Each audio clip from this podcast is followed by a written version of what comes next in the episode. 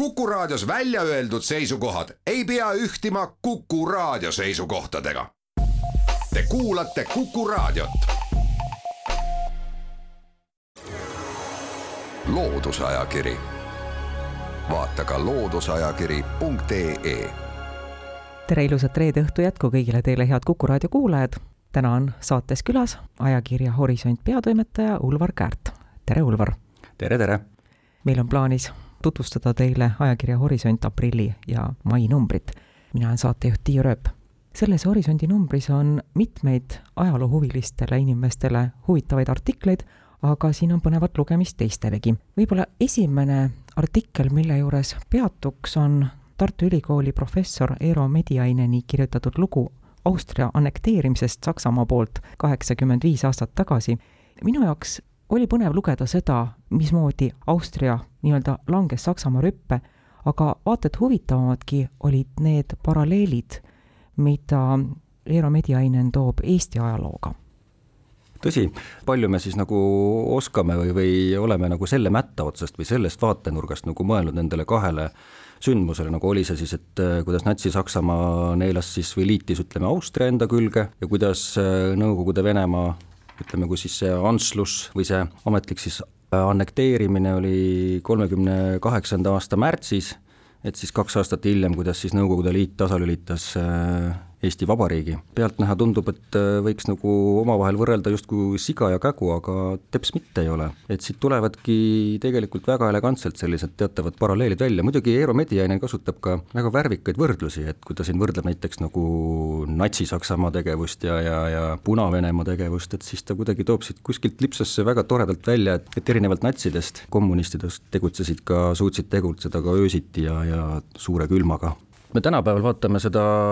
Austria Anschlussi kooli ajalootundides ei saa sellest mitte kuidagi mööda, aga kui samas vaatame, et omal ajal, nagu ka sellest äh, Eero Mediani loost välja tuleb, et äh, see väga palju sellist äh, vastukaja rahvusvahelisel või sellises välispoliitilisel areenil nagu justkui tekitanudki ja, ja Eero Medianin toob need põhjused ka tegelikult välja, et miks siis ütleme, sellised lääne üliriigid või, või suurriigid nagu USA, Prantsusmaa või, või Suurbritannia nagu eriliselt ei reageerinud sellisele justkui sõbralikule ühinemisele.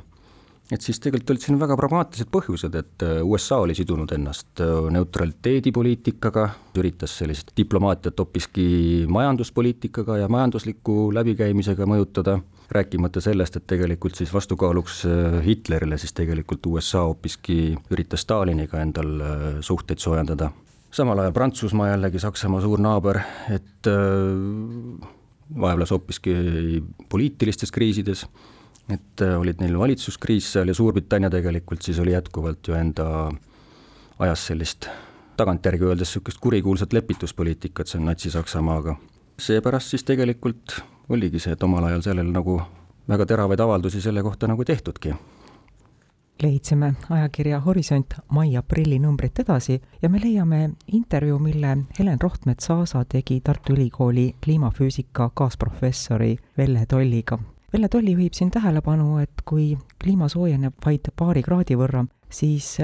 muutuvad osad praegu asustatud piirkondi selliseks, et inimene ei suuda seal elada ja kogu selle teadmise taustal me oleme ikkagi kuidagi väga rahulikud ja üldse ei tegutse või ei mõtle selle peale oma tegudes. just, et tegelikult selle, kõik ütleme, selle intervjuus tuleb ka juttu kõigest nendest kulunud juba, mida peaks olema justkui iseenesestmõistetavad, et mis selle kliima muutumisega kõik hädad, mis need kaasnevad, on need siis tormid, äh, maailmamere tõusud, äh, ekstreemsed ilmaolud, põuad, äh, sajud ja mis kõik muud hädad. aga tegelikult, mis mind nagu, mis mulle siit nagu hästi kuidagi kõrva kargas või silma, et just, et näiteks, et kuigi me tänapäeval siin räägime praegu ka, et ikkagi sellest hädavajadusest neid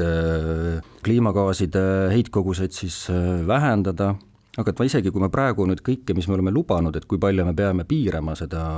süsinikdioksiidi näiteks äh, atmosfääri paiskamist või neid heitkoguseid, et siis vaatamata sellele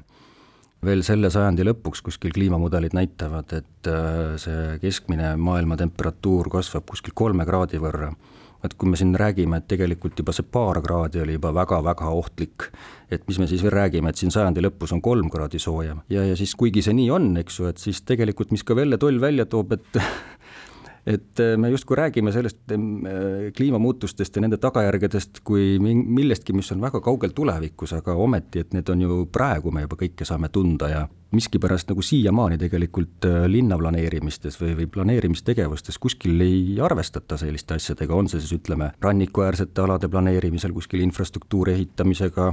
on see näiteks see, et kui kliima muutub kuumemaks ja põuasemaks, et äh, miks me siis näiteks linnades ei arvesta haljasaladega, rohealadega, et ühelt poolt need aitavad siis näiteks asfalt- ja kivikõrbes äh, suveleitsakus tuua sellist mahedat jahedust, mis muudab selle keskkonna nagu inimsõbralikumaks, teisalt jällegi ikkagi, et äh, on siis see näiteks ka sadevete, no me ei mõtle näiteks sellele, et kui paduvihmad nagu, mis on nagu andmed näitavad selgelt, et on äh, intensiivsemaks muutunud, ehk siis korraga sajab lühikese aja jooksul väga palju vett alla, et siis kas me nagu arvestame sellega, et meil äravoolutorud kõike seda ka suudavad ära viia linnast või, või arvestame sellega, et võib-olla ei peagi midagi kuskile äravoolutorusse, vaid et seda vett oleks võimalik äh, haljasaladele näiteks suunata või et see maa puhvrina nagu aitaks seda imada kahetsusväärselt vähe nagu tänapäeval veel sellega arvestatakse, mis ta nagu välja toob, et kuidas seda nagu aitaks, et kuigi meil on kõiki neid andmeid nagu külluses, mille, mida nagu arvesse võtta, et siis tegelikult üks võimalus võiks olla, et riiklikul tasemel nagu, et sellele teemale nagu rohkem tähelepanu pöörata, et siis kui meil on nagu ilmateenistus, mis aitab meil sellist homset ilma või, või lähi, lähipäevade ilma nagu igapäevaselt äh, prognoosida ja seda ülevaadet anda, et siis meil võiks olla ka sarnane selline kliimateenus mis siis koondaks selliseid parimaid võimalikke andmeid ja, ja, ja siis ka ütleme, suunaks ka planeerimistegevusse. järgmiseks leiab ajakirja Horisont aprilli-mai numbrist Tartu Linnamuuseumi arheoloogiaosakonna juhataja Arvi Haagi ülevaate päikesekelladest, mis mahtusid taskusse ja siit saab teada, et viieteistkümnendal sajandil tehti rändajate jaoks päikesekelli, mis olidki mõeldud taskus kaasavõtmiseks jah, tõeliselt üllatav leid või selles mõttes, et äh, üllatav lugemine, et ma ei tea, kui paljud meist äh, üldiselt ju päikesekellad seostuvad meile mõne sellise monumentaalse objektiga kuskil pargis või, või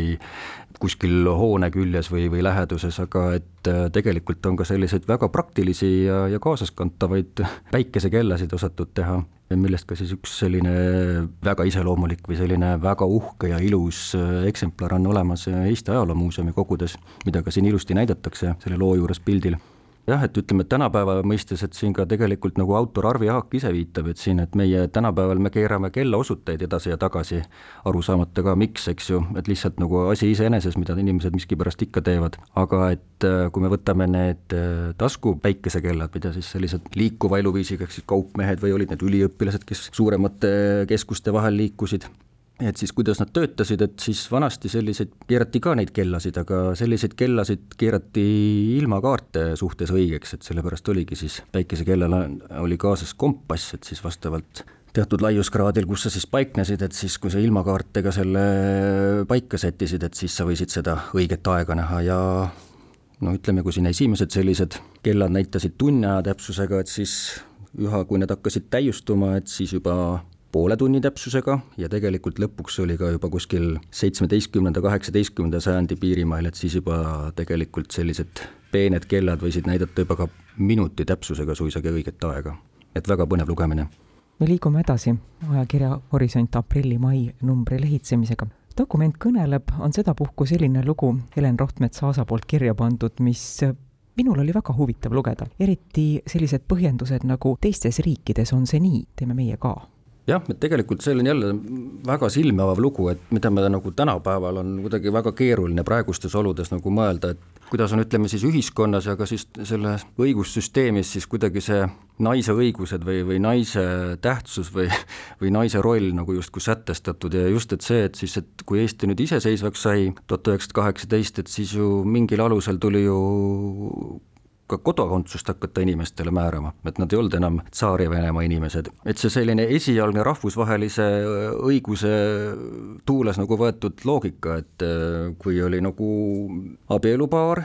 et siis naise kodakondsus tuli siis mehe abikaasa järgi. häda tekkis sellega jällegi, et miks see nagu ei klappinud selle päriseluga, aga et kui nüüd oli siin siis Eesti naine, kes oli kuskil teisel pool idapiiri meil, Venemaa avarustes näiteks või kuskil ka kaugemal, kui tal nüüd juhtus olema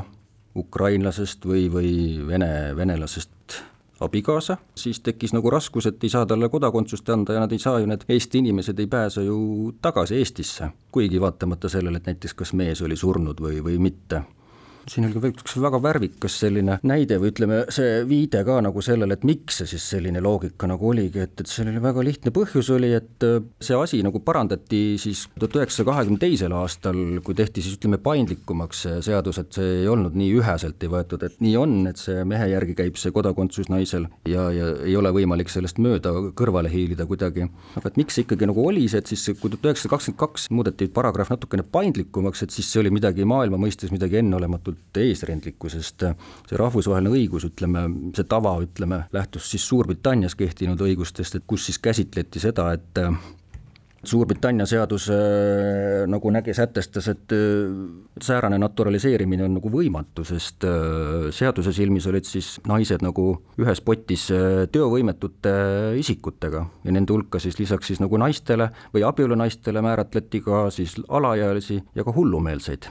praegu tundub see nagu väga kurioosne ja naljakas, aga samas, eks ju, Helenil on toodud siin ka väga selliseid elulisi näiteid, et noh, et kuigi niisugune väga jäik paragrahv esialgu oli, et sealt idapiiri tagant või ütleme, kuskilt ei olnud võimalik Eestisse tulla, et siis sellele vaatamata kas siis ütleme kuidagi tahtlikult või, või muudel põhjustel äh, ametnikud pigistasid silma kinni, vaatasid läbi sõrmede, et siin on toodud üks näide, kuidas üks siis Ukrainast koos abikaasaga, ukrainlasest mehega naisele õnnestus ikkagi, sai Eestis elamisloa. et äh, siin oli ka toodud üks ilus lause oli jälle, et, et see üks komisjoni ametnik ametnik, kes siis oli nagu viidanud, et äh, miks ta nagu ikkagi nagu murdus või, või siis sellise põhjuse andis, et ikkagi põhjused olid emotsionaalsed. et äh, sellele komisjoni liikmele oli läinud siis äh, hinge selline jumala keeli palumine ja et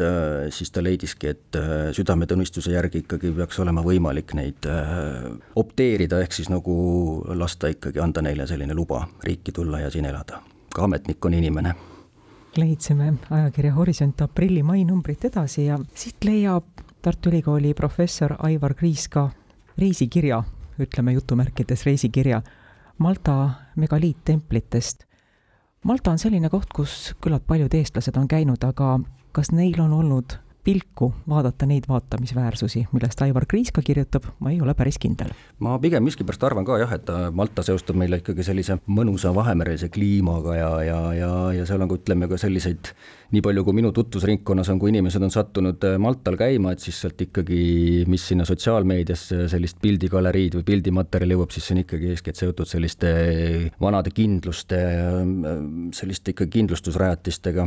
aga jah, et sellised megaliittemplid, et kui me räägime, need on siis nagu hiigelsuured justkui või et siin tegelikult ka, mida Aivar Kriisko toob välja, et kiviaegsed juba, sellised võrdlemisi salapärase, ütleme, ega päris täpselt ei teatagi, et miks sellised rajatised on tehtud, aga lihtsalt ka oletatakse, aga need on niisugused ovaalsed ja, ja kivist sellised rajatised, ajaliselt nad paigutatakse siis uuringute järgi, on need juba rajatud äh, kiviajal vahemikus kuskil kolm tuhat kaheksasada kuni kaks tuhat nelisada aastat enne Kristust tooma nüüd siia võrdluseks, et näiteks üks maailma kõige kuulsamaid äh, megaliitehitisi on Stonehenge Inglismaal, et see tegelikult äh,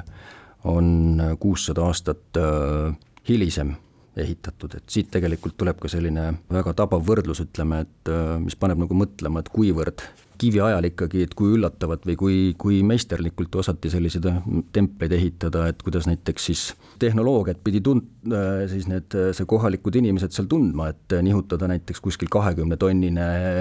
kivikolakas või kividetail kuskil kilomeetreid eemale õigesse kohta.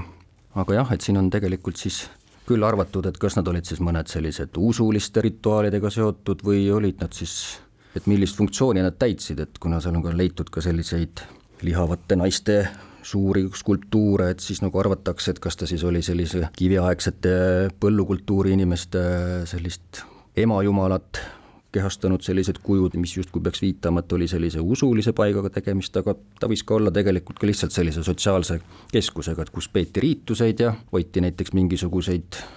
söögivarusid näiteks või lihtsalt sellised tähtsad kohad aga Malta mõttes ikkagi väga sellised sümbolobjektid jällegi. nii et kes Maltale satub, siis võiks ju nendele ka pilgu peale visata. et see annab nagu väga sellise uhke tagasivaate kiviaega ja kiviaja kultuuri. lõpetame tänaseks saate kaaneartiklist Betoonkõrvadest me rääkida ei jõudnudki, samamoodi veel õige mitmest mõtlema ärgitavast artiklist. aitäh, Ulvar Käärt, ajakirja Horisont peatoimetaja, aitäh kõigile, kes meid kuulasid, soovime teile ilusat pühade aega ja jälle kuulmiseni! loodusajakiri, vaata ka looduseajakiri.ee